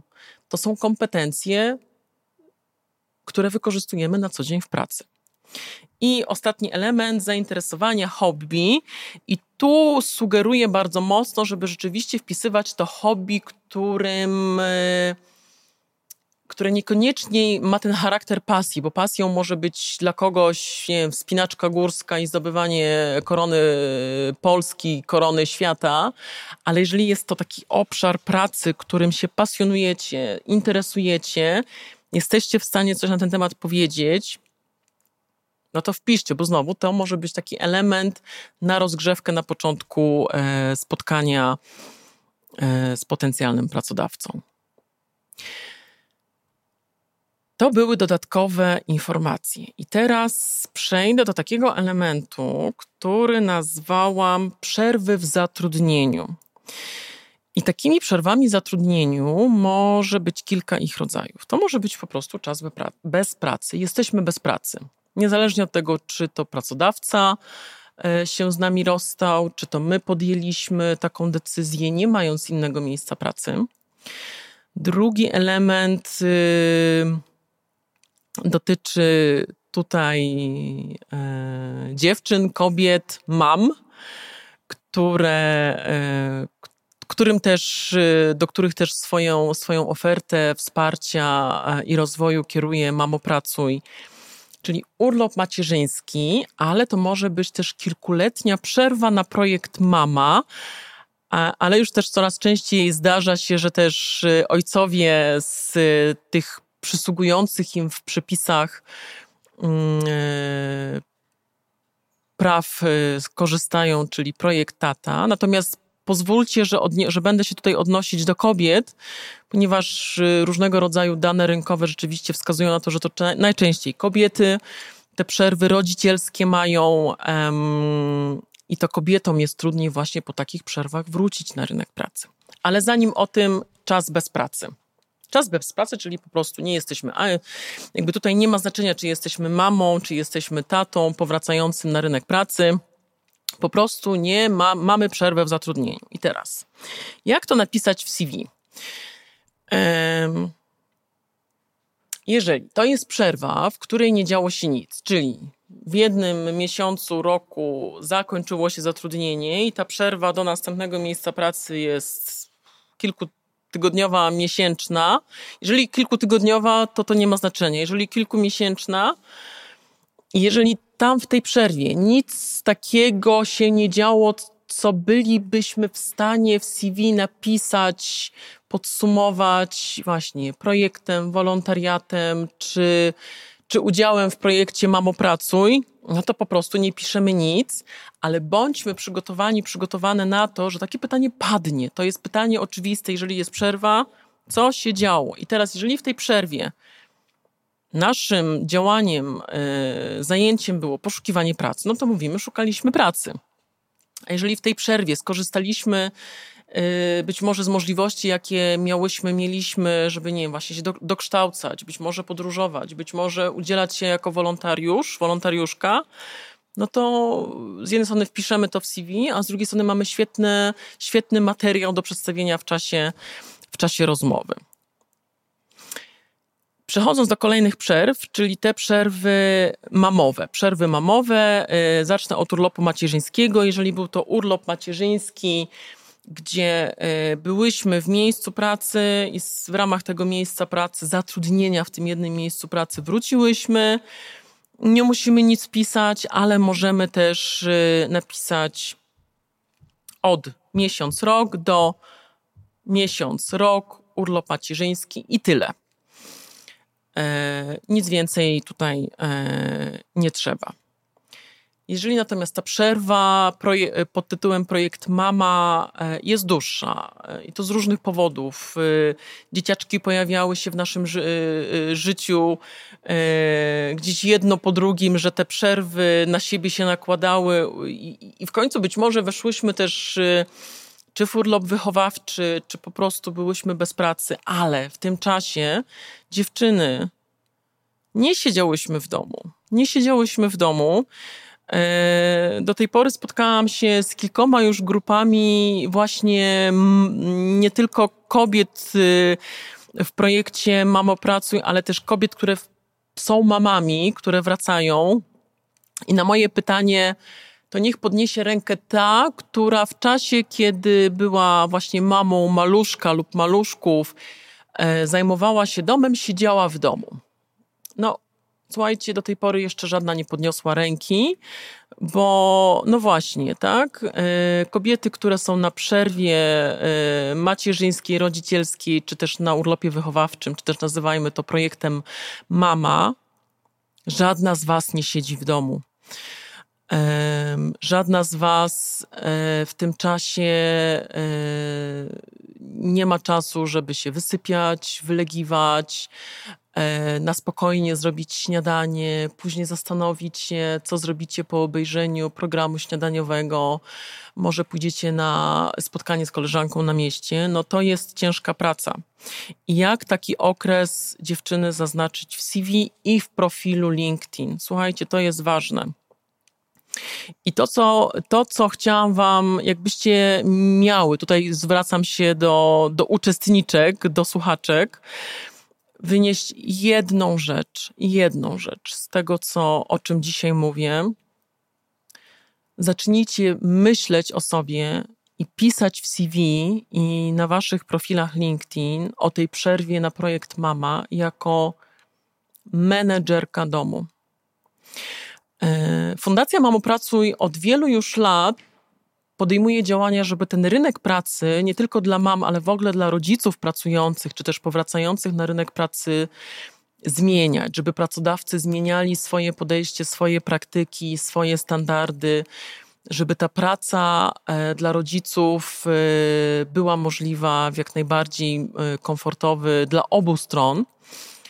Natomiast wy jesteście tą, powiedziałabym, stroną tego rynku pracy. I teraz, jeżeli też wy nie zaczniecie myśleć i mówić o sobie, nie siedziałam w domu, tylko w tym czasie, przez tych kilka lat, zarządzałam wieloma aktywnościami domowymi w jednym czasie.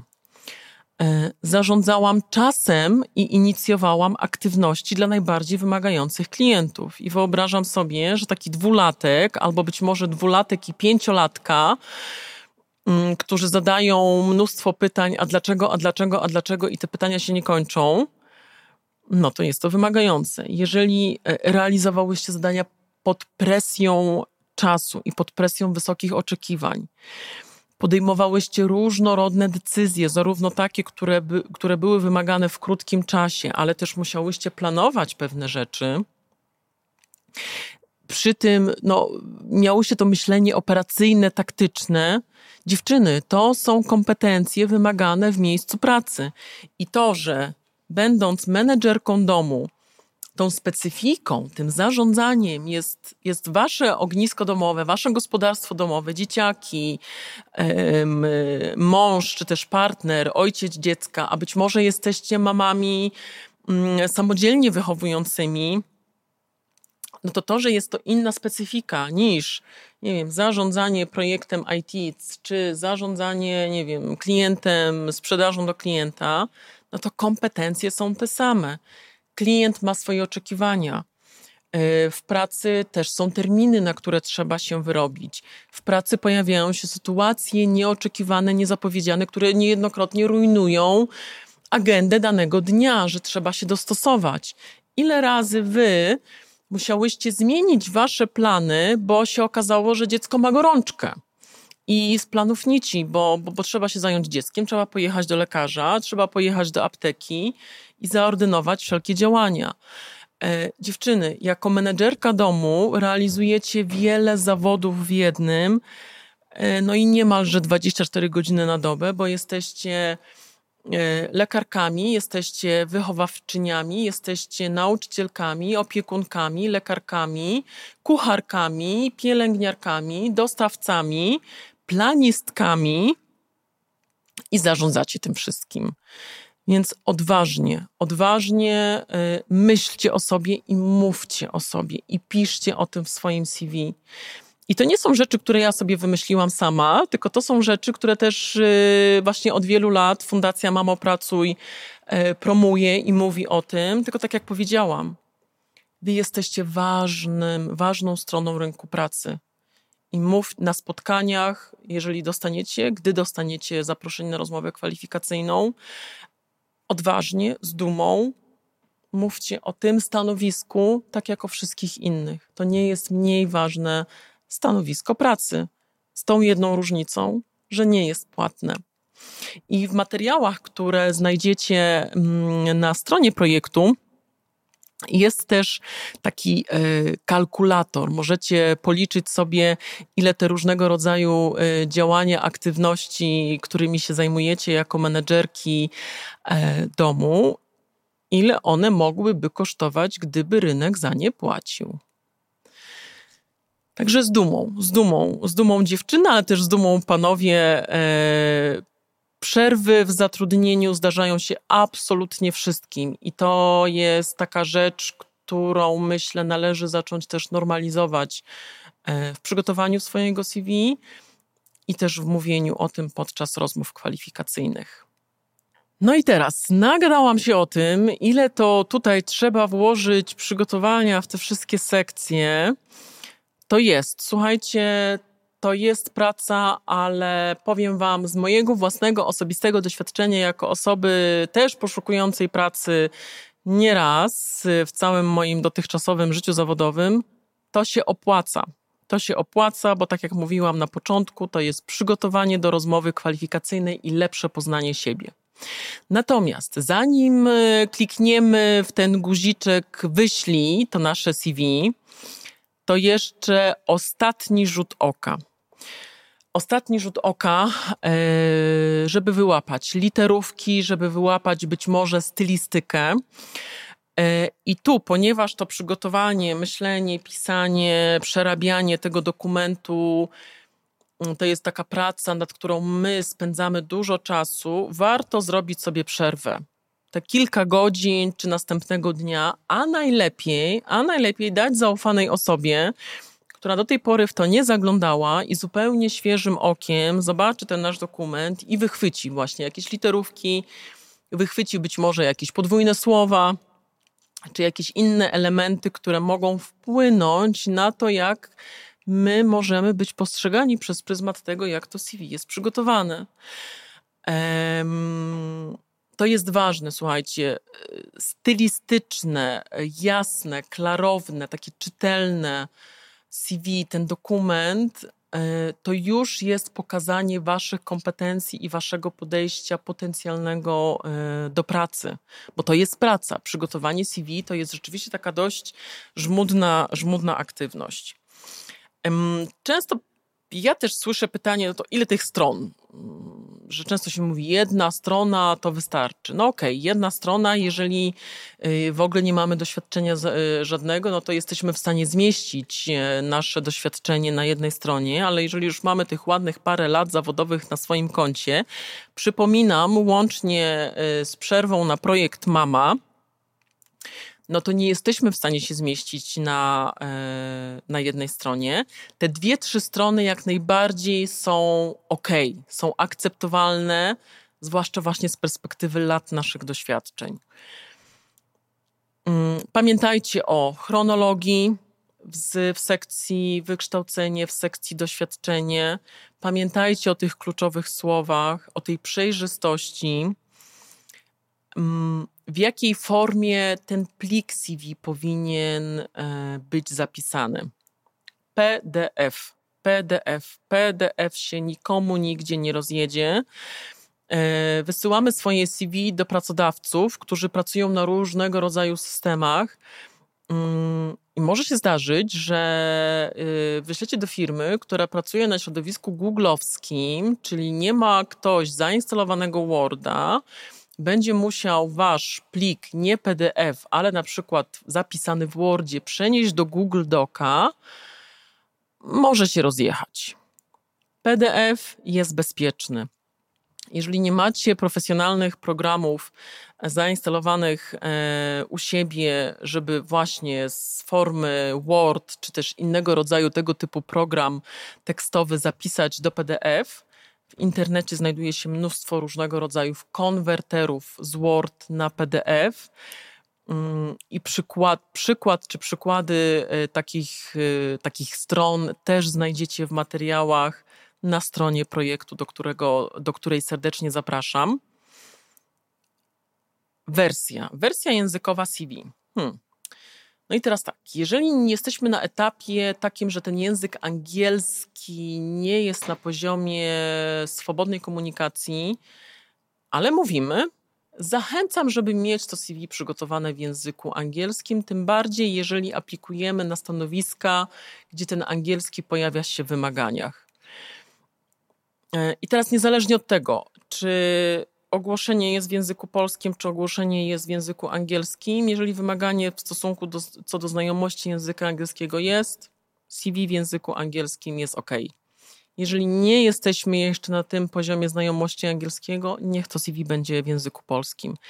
Niezależnie od wersji językowej, literówka, stylistyka, przejrzystość, e, zadbajcie o to. Zadbajcie o to, mówię to rzeczywiście z perspektywy osoby, która te CV w swoim życiu też czytała. I co jest, słuchajcie, ważne, aktualizujemy na bieżąco CV, jak i profil LinkedIn. Aktualizujemy na bieżąco.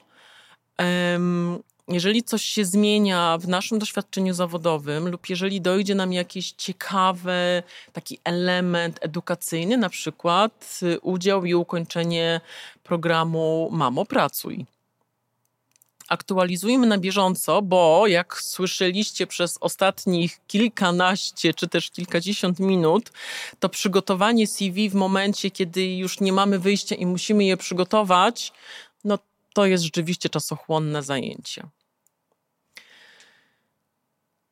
No dobra, skupiłam się do tej pory na CV. Um, natomiast LinkedIn. LinkedIn. I słuchajcie, e, LinkedIn powiedziałabym jest takim prawie, prawie CV. Co to znaczy? To znaczy, że jest nagłówek w postaci naszego imienia i nazwiska, jest sekcja doświadczenie zawodowe, jest sekcja e, wykształcenie, jest e, sekcja podsumowanie i to, co wpisujemy właśnie w CV, możemy jak najbardziej przenieść albo lekko zmodyfikować, wypełniając profil LinkedIn. mm, czy też różnego rodzaju zajęcia wolontaryjne, bo jest też dedykowana sekcja do właśnie dokładnie na wolontariat na LinkedInie, czy też znajomość języków obcych. Natomiast są też takie elementy w samym profilu LinkedIn, których w CV nie znajdziemy. A co to jest? To jest zdjęcie w tle, background picture. I tutaj, jeżeli nic nie zamieścimy, tylko zostawimy, już nie pamiętam nawet jakie to jest tło, bez zdjęcia, to będzie ok. Ale myślę, że znowu warto, żeby to było takie zdjęcie w tle, które gdzieś e, w jakiś sposób coś mówi o Was. E, to są różne tła, możecie się spotkać z różnymi rodzajami. Mm, zachęcam do przejrzenia, natomiast ważne, żeby ono było zgodne z Wami, ale też, i znowu użyję słowa, profesjonalne, czyli zdjęć z, e, z wycieczki nad jakiś świetny zalew w środku lata, e, być może nie jest najlepszym pomysłem. W sekcji nagłówek w LinkedInie pod naszym imieniem i nazwiskiem znajduje się taka część nazywana różnie tagline, headline. To jest taki powiedziałabym, takie uzupełnienie nagłówka. Uzupełnienie to znaczy w tej części może się znaleźć po prostu nazwa naszego aktualnego stanowiska pracy i firmy, w której pracujemy, a może być to takie dosłownie dwóch, trzech słowach podsumowanie tego, kim jesteśmy. W materiałach na stronie projektu y, znajdziecie przykłady, jak taki headline można zbudować. Jest też sekcja projekty i projekty powiedziałabym, porównałabym do osiągnięć, o których mówiłam y, y, przy, y, przy doświadczeniu zawodowym CV. I to są takie rzeczywiście, to jest taka sekcja, gdzie możemy wskazać konkretne projekty, które zre, zrealizowaliśmy, być może we współpracy z kimś, bo jest możliwość też dodania osób, jeżeli mają swój profil na LinkedInie. E, myślę, że jest to warte rozważenia. Jest sekcja umiejętności i to jest taka, myślę, też e, fajna część, która jak przyjdziemy ten etap przygotowania CV i poznania, zrozumienia lepszego siebie i też tego, jakimi kompetencjami umiejętnościami się musieliśmy wykazywać w pracy, to te umiejętności możemy na LinkedInie dodać, a dodatkowo możemy poprosić e, znajomą osobę, żeby potwierdziła. Tam jest taka możliwość potwierdzenia, zaznaczenia, że faktycznie ktoś potwierdza, że mamy te tę umiejętność. Można też, LinkedIn daje na to taką, taką opcję, żeby te, w sekcji te różne umiejętności powiązać z konkretnym miejscem pracy. I um, jest też taka część, myślę, świetna i, i, i, i, myślę w dzisiejszym świecie bardzo, myślę, ważna, rekomendacje. I zarówno my możemy komuś tych rekomendacji udzielić, jak i my możemy o te rekomendacje poprosić. Co to jest? To jest takie, powiedziałabym, podsumowanie, jeżeli ktoś daje rekomendację Wam, to jest takie podsumowanie tego, jak tej osobie się z Wami współpracowało. I taka osoba w takich, w takich rekomendacjach może napisać coś szczególnego o Was. E, zachęcam, żeby to robić na bieżąco i kilka takich jeszcze elementów, które y, od takiej strony też technicznej y, na LinkedIn się pojawiają. Mm, można nagrać sposób, w jaki wymawia się poprawnie nasze imię i nazwisko. W dobie, gdzie, gdzie ta pisownia jest różna i nie zawsze dla wszystkich oczywista, myślę, że, że warto. Jest też taka część, gdzie możemy wyedytować, jak linked na profilu LinkedIn będzie się pokazywał, czyli zrobić też taki profesjonalny link. link. I jest taka ostatnia część, e, gdzie możemy w podobny sposób jak na, nie wiem, Facebooku chociażby śledzić różnego rodzaju osoby, grupy, firmy czy też e, szkoły. Natomiast co jest ważne? Co jest przy tym ważne? Pamiętajcie, LinkedIn to jest medium społecznościowe. Co to oznacza?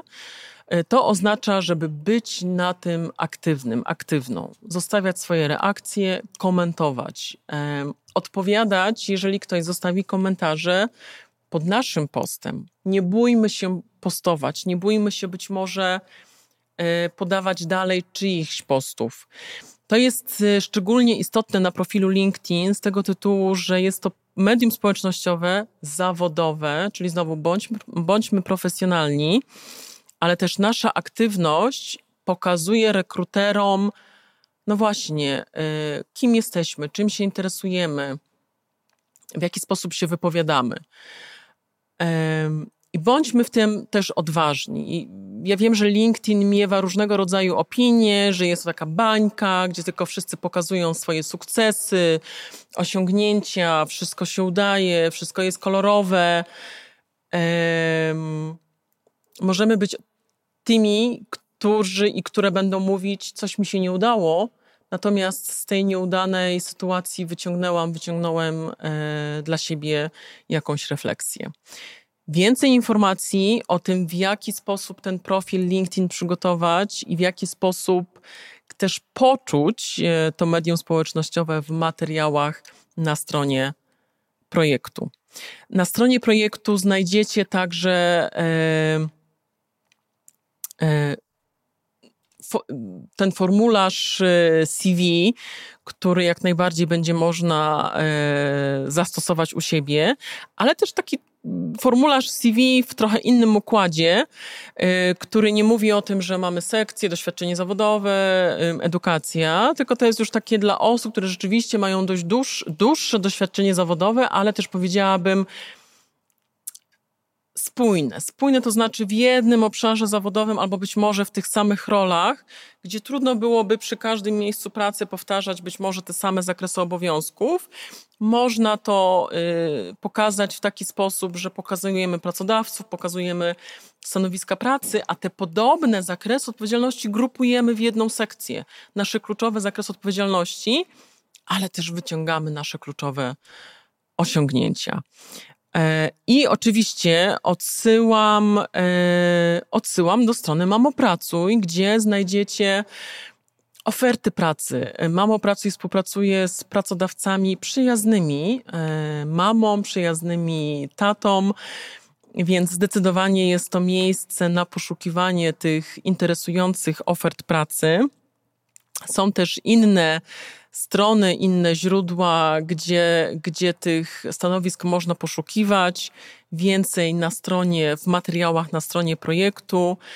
I na koniec, co chciałam powiedzieć, mm, to, że tu dzisiaj jesteście, to świadczy o tym, że już jesteście wygrane i wygrani. Tutaj kieruję swoje słowa e, do dziewczyn z natury, jako że mamo pracuj e, z gruntu, kieruję swoją ofertę do kobiet, e, do mam. Natomiast ten przekaz jest do wszystkich uczestników i uczestniczek projektu Grow Up biorąc udział w projekcie Grow Up, dajecie sobie, e, sobie szansę, dajecie e, sobie czas, poświęcacie ten czas sobie i już jesteście na dobrej drodze. Nie schodźcie z tej, z tej drogi. E, korzystajcie z różnego rodzaju zasobów, które ten projekt Wam daje. Nie bójcie się sięgać po nie, nie bójcie się zadawać pytań osobom, które w tym projekcie poznacie i trzymam za Was kciuki i bardzo mocno Was wierzę. A teraz, po tej lekcji o tym, jak przygotować CV i profil e, na LinkedInie, zapraszam na krótką przerwę, e, chwilę oddechu i po przerwie zapraszam z powrotem wszystkich, wracamy, ponieważ po tej przerwie odpowiemy na pytania, które zadaliście i zadałyście, zapisując się na to dzisiejsze spotkanie. Do zobaczenia za chwilę. E, witamy po krótkiej przerwie. Kasiu, bardzo Ci dziękuję za ten materiał i wiem, że na wielu, wielu pytań, które były przygotowane przez nasze uczestniki i uczestniczki, po prostu dałaś już, już odpowiedź, ale jeszcze kilka zostało, więc przejdziemy do tych pytań Jasne, po prostu. Oczywiście. E, I tu mamy takie pytanie. Czy to prawda, że trzeba mieć kilka różnych wersji CV? Czy wystarczy tylko jednego takiego uniwersalnego? Hmm. Odpowiem, jak odpowiadają często prawnicy. To zależy.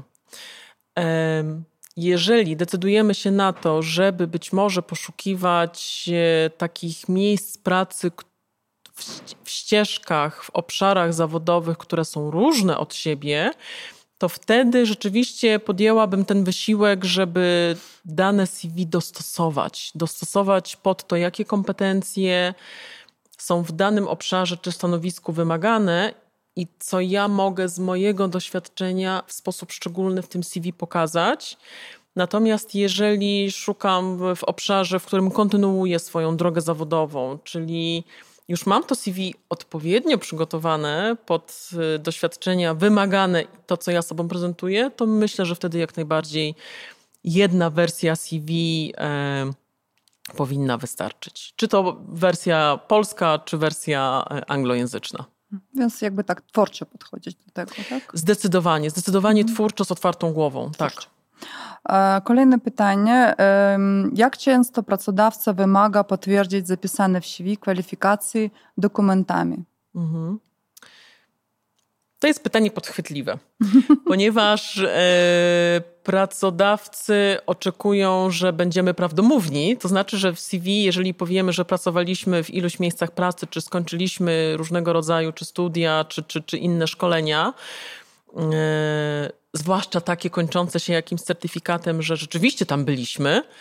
Natomiast e, są, dwie, są, są różnego rodzaju sytuacje. Pierwsza jest taka, jeżeli otrzymujemy zaproszenie e, do do pracy, to wtedy na takim etapie pierwszym wypełniania różnego rodzaju dokumentów po prostu musimy przedstawić nie wiem, świadectwa ukończenia różnego rodzaju szkół, czy właśnie szkoleń kończących się certyfikatami. Natomiast mogą być takie zawody, gdzie ten dokument, to zaświadczenie, ten certyfikat będzie rzeczywiście wymagany. I to przychodzą mi do głowy takie przykłady jak. Yy, zawody typu mechanik, e, elektryk, ale na przykład osoby pracujące w branży kosmetycznej. Mhm. Tutaj rzeczywiście e, pewne certyfikaty, zaświadczenia są, są wymagane. Mhm, dziękuję. Um, takie pytanie od naszej uczestniczki. Jestem specjalistą do spraw marketingu cyfrowego. Zajmuję się reklamą i promocją szkół i kursów online. Jak mogę znaleźć pracę w moim zawodzie? Mhm. Hmm. Marketing cyfrowy, powiedziałabym, że jest dzisiaj na czasie, bo marketing y, też się zmienia, więc y, mając tak też ograniczone informacje o, naszym, y, o naszej osobie zadającej pytanie, po prostu proponuję sięgać do wszelkich portali z ofertami pracy. Tutaj oczywiście mam o pracy, ale też inne, które są na stronie projektu. E, a jeżeli zależy nam szczególnie na tym marketingu cyfrowym w jakiejś szczególnej branży, no to myślę, że wtedy proponuję poszukać rzeczywiście pracodawców, czy też miejsc, obszarów, które się specjalizują w tym obszarze i kierować swoje zainteresowanie tam. I myślę, że być może też warto poszukać osób, które pracują w takich miejscach pracy i zadawać im pytania o to, jak się w takim miejscu znalazły. No to chyba najlepsza droga. Gdzie, w jakiej branży jest największa szansa znalezienia pracy na pół etatu e, lub z elastycznym godzinowo grafikiem? Hmm, to jest rzeczywiście też taki, myślę, znak, znak czasów. Myślę, że są różnego rodzaju zawody i branże, gdzie ta elastyczność w zatrudnieniu, czyli zarówno e, wymiar etatu, czy godziny rozpoczynania, kończenia pracy są różne. E, myślę, że nie chciałabym podawać jednej, bo mogę skrzywdzić inną branżę, gdzie ta elastyczność jest. E, to mogą być wolne zawody, to może być jak najbardziej branża IT, ale to mogą być wszelkie inne, gdzie gdzie jest ta po prostu e, e, oferta e, takiej pracy elastycznej, ale też sami, sami i same sobie musimy to pytanie, na to pytanie odpowiedzieć, w jakim obszarze my poszukujemy. Ja wiem, że ta moja odpowiedź jest taka dość ogólna, natomiast tutaj myślę, że jeżeli osoba zadająca pytanie chciałaby e, gdzieś zgłębić swoją konkretną, indywidualną sytuację, to myślę, że możemy gdzieś po naszym spotkaniu e, zastanowić się, jak tej odpowiedzi szczegółowej udzielić. O, dziękuję. Um, jeszcze takie pytanie. Czy można zmienić karierę i zawód w wieku 45 lat i znaleźć prawdziwą pracę w Polsce? Um. Ostatnio byłam na takim spotkaniu, gdzie, e, gdzie na bardzo podobne pytanie usłyszałam taką odpowiedź. To było spotkanie dla kobiet i e, odpowiedzi też udzielała kobieta. I bardzo się z tym zgadzam, e, zwłaszcza, że sama za kilka lat skończę, 45 lat. Jeżeli wstaję rano i oddycham, to znaczy, że mam tę szansę na cokolwiek, co mi się w życiu zamarzy. Nigdy nie jest absolutnie za późno i zmiana swojej drogi zawodowej na każdym etapie, czy mamy 25, 35, 45, a może i 55, jest możliwa, jeżeli tylko tego chcemy, mamy odwagę i szukamy sposobów, żeby to zrobić. Zdecydowanie. Na tej odpowiedzi moglibyśmy skończyć nasze spotkanie, ale mamy jeszcze trochę czasu, więc jeszcze pytanie. Mm, jak poradzić sobie ze strachem związanym z ryzykiem zmiany pracy, branży? No coś tak związane z, z poprzednim. Eee, tak, jak to zrobić, żeby coś zmienić, jak się boimy, gdy się boimy, hmm. tak to od razu mi się, jak to słyszę, przypominają słowa Agnieszki Czmyr-Kaczanowskiej, e, od której to usłyszałam i, i, i te słowa we mnie zostały i często ze mną są. Bój się i rób. Bój się i rób. E, to jest naturalne, że jeżeli chcemy coś zmienić, to znaczy, że wejdziemy w nowe, nawet jeżeli jest to ta sama branża, to samo ten, ten sam, to samo stanowisko, ale nowe miejsce pracy, nowi ludzie, no to się boimy, jak będziemy przyjęci, jak będziemy odebrani, czy się sprawdzimy w tym nowym miejscu pracy, albo jeżeli jest to inne, to tym bardziej. Um, ale też sama tego doświadczyłam, że jeżeli sama sobie nawet coś wymyślę, jakąś zmianę i sama się jej wystraszę, to to jest właśnie być może to, że trzeba być może iść za tym głosem tych obaw, bo, bo obawa przed czymś może nas postawić przed świetną możliwością rozwoju i, i możemy spełnić swoje marzenia, ale też yy, dowiedzieć o sobie się czegoś nowego i się rozwinąć, nauczyć się czegoś. No, zgadzam się. Takie mocne hasło. Bój się, bój się i rób. Zdecydowanie, zdecydowanie, zdecydowanie, absolutnie bój się i rób. Bój się i rób. Będziesz się bała, będziesz się bać, rób.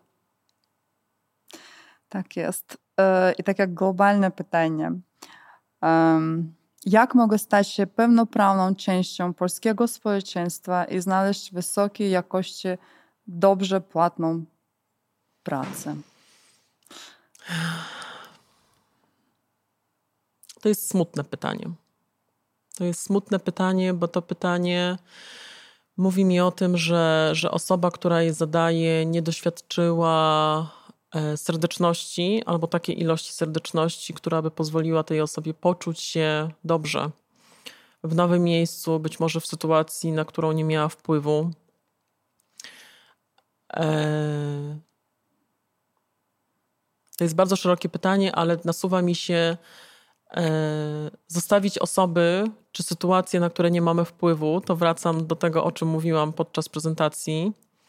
Jeżeli nie mamy na coś, na kogoś wpływu, na czyjeś zachowanie, zostawmy to, to nie jest o nas. Kierujmy naszą uwagę, naszą energię w stronę tych ludzi, którzy są wobec nas serdeczni, e, i przede wszystkim chciałabym przekazać osobom, uczestnikom, uczestniczkom naszych, y, naszego dzisiejszego spotkania, ale też przyszłych spotkań, że sytuacja, kiedy w wyniku ubiegłorocznych wydarzeń w lutym e, w Ukrainie byliście, byłyście zmuszone, zmuszeni zostawić swój dom i przyjechać tu akurat do Polski, przekroczenie granicy polsko-ukraińskiej nie przekreśla, nie zeruje waszych wcześniejszych doświadczeń zawodowych, życiowych. To wszystko jest absolutnie ważne i to wszystko sprawia, że jesteście dzisiaj wartościowymi e, osobami na polskim rynku pracy. Dziękuję. Kasiu, dziękuję i niestety musimy już kończyć, bo nasz czas e, dobiega końca. Jeśli mieliście jakieś pytania i nie usłyszeliście odpowiedzi, to proszę napiszcie na czacie. E, później będzie zrobiony, przygotowany przez Kasię taki e, PDF, w którym będzie e, cały ten materiał i odpowiedzi na te pytania, na które po prostu nie, nie zdążyliśmy dać odpowiedź. I tymczasem mamy do Was ogromną prośbę. Za chwilę na czacie zjawi się link do takiej krótkiej ankiety. Proszę otwórzcie go i wypełnijcie to prawie jedna minutka, ale to pomoże nam e, robić coś lepszego dla Was. I w czasie, jak wypewniacie, tylko chcę powiedzieć, że e, Fundacja Mama Pracuj e, to taka jedyna organizacja, która ma bazę mm, pracodawców przyjaznych rodzicom i na portale Mamo Pracuj możecie znaleźć oferty pracy właśnie od takich pracodawców. I jeszcze mamy e, telegram-kanał dedykowany Ukrainkom, Ukraińcom, na którym też znajdziecie mnóstwo bardzo korzystnej informacji, a także informacji o różnych naszych projektach. Kasiu, chciałam Ci bardzo podziękować za to, że zgodziłaś się na te spotkania, za ten wspólny czas, za rozmowy, za inspirację dla naszych uczestników i uczestniczek. Bardzo, bardzo Ci dziękuję. Krysiu, ja dziękuję za zaproszenie. To jest dla mnie ogromna nie tylko przyjemność, ale też przywilej dzielić się moim doświadczeniem z cudownymi kobietami i mężczyznami, którzy tutaj dzisiaj z nami są. Dziękuję. Kochani, dziękujemy, że byliście z nami i do zobaczenia na kolejnym webinarze. Do widzenia.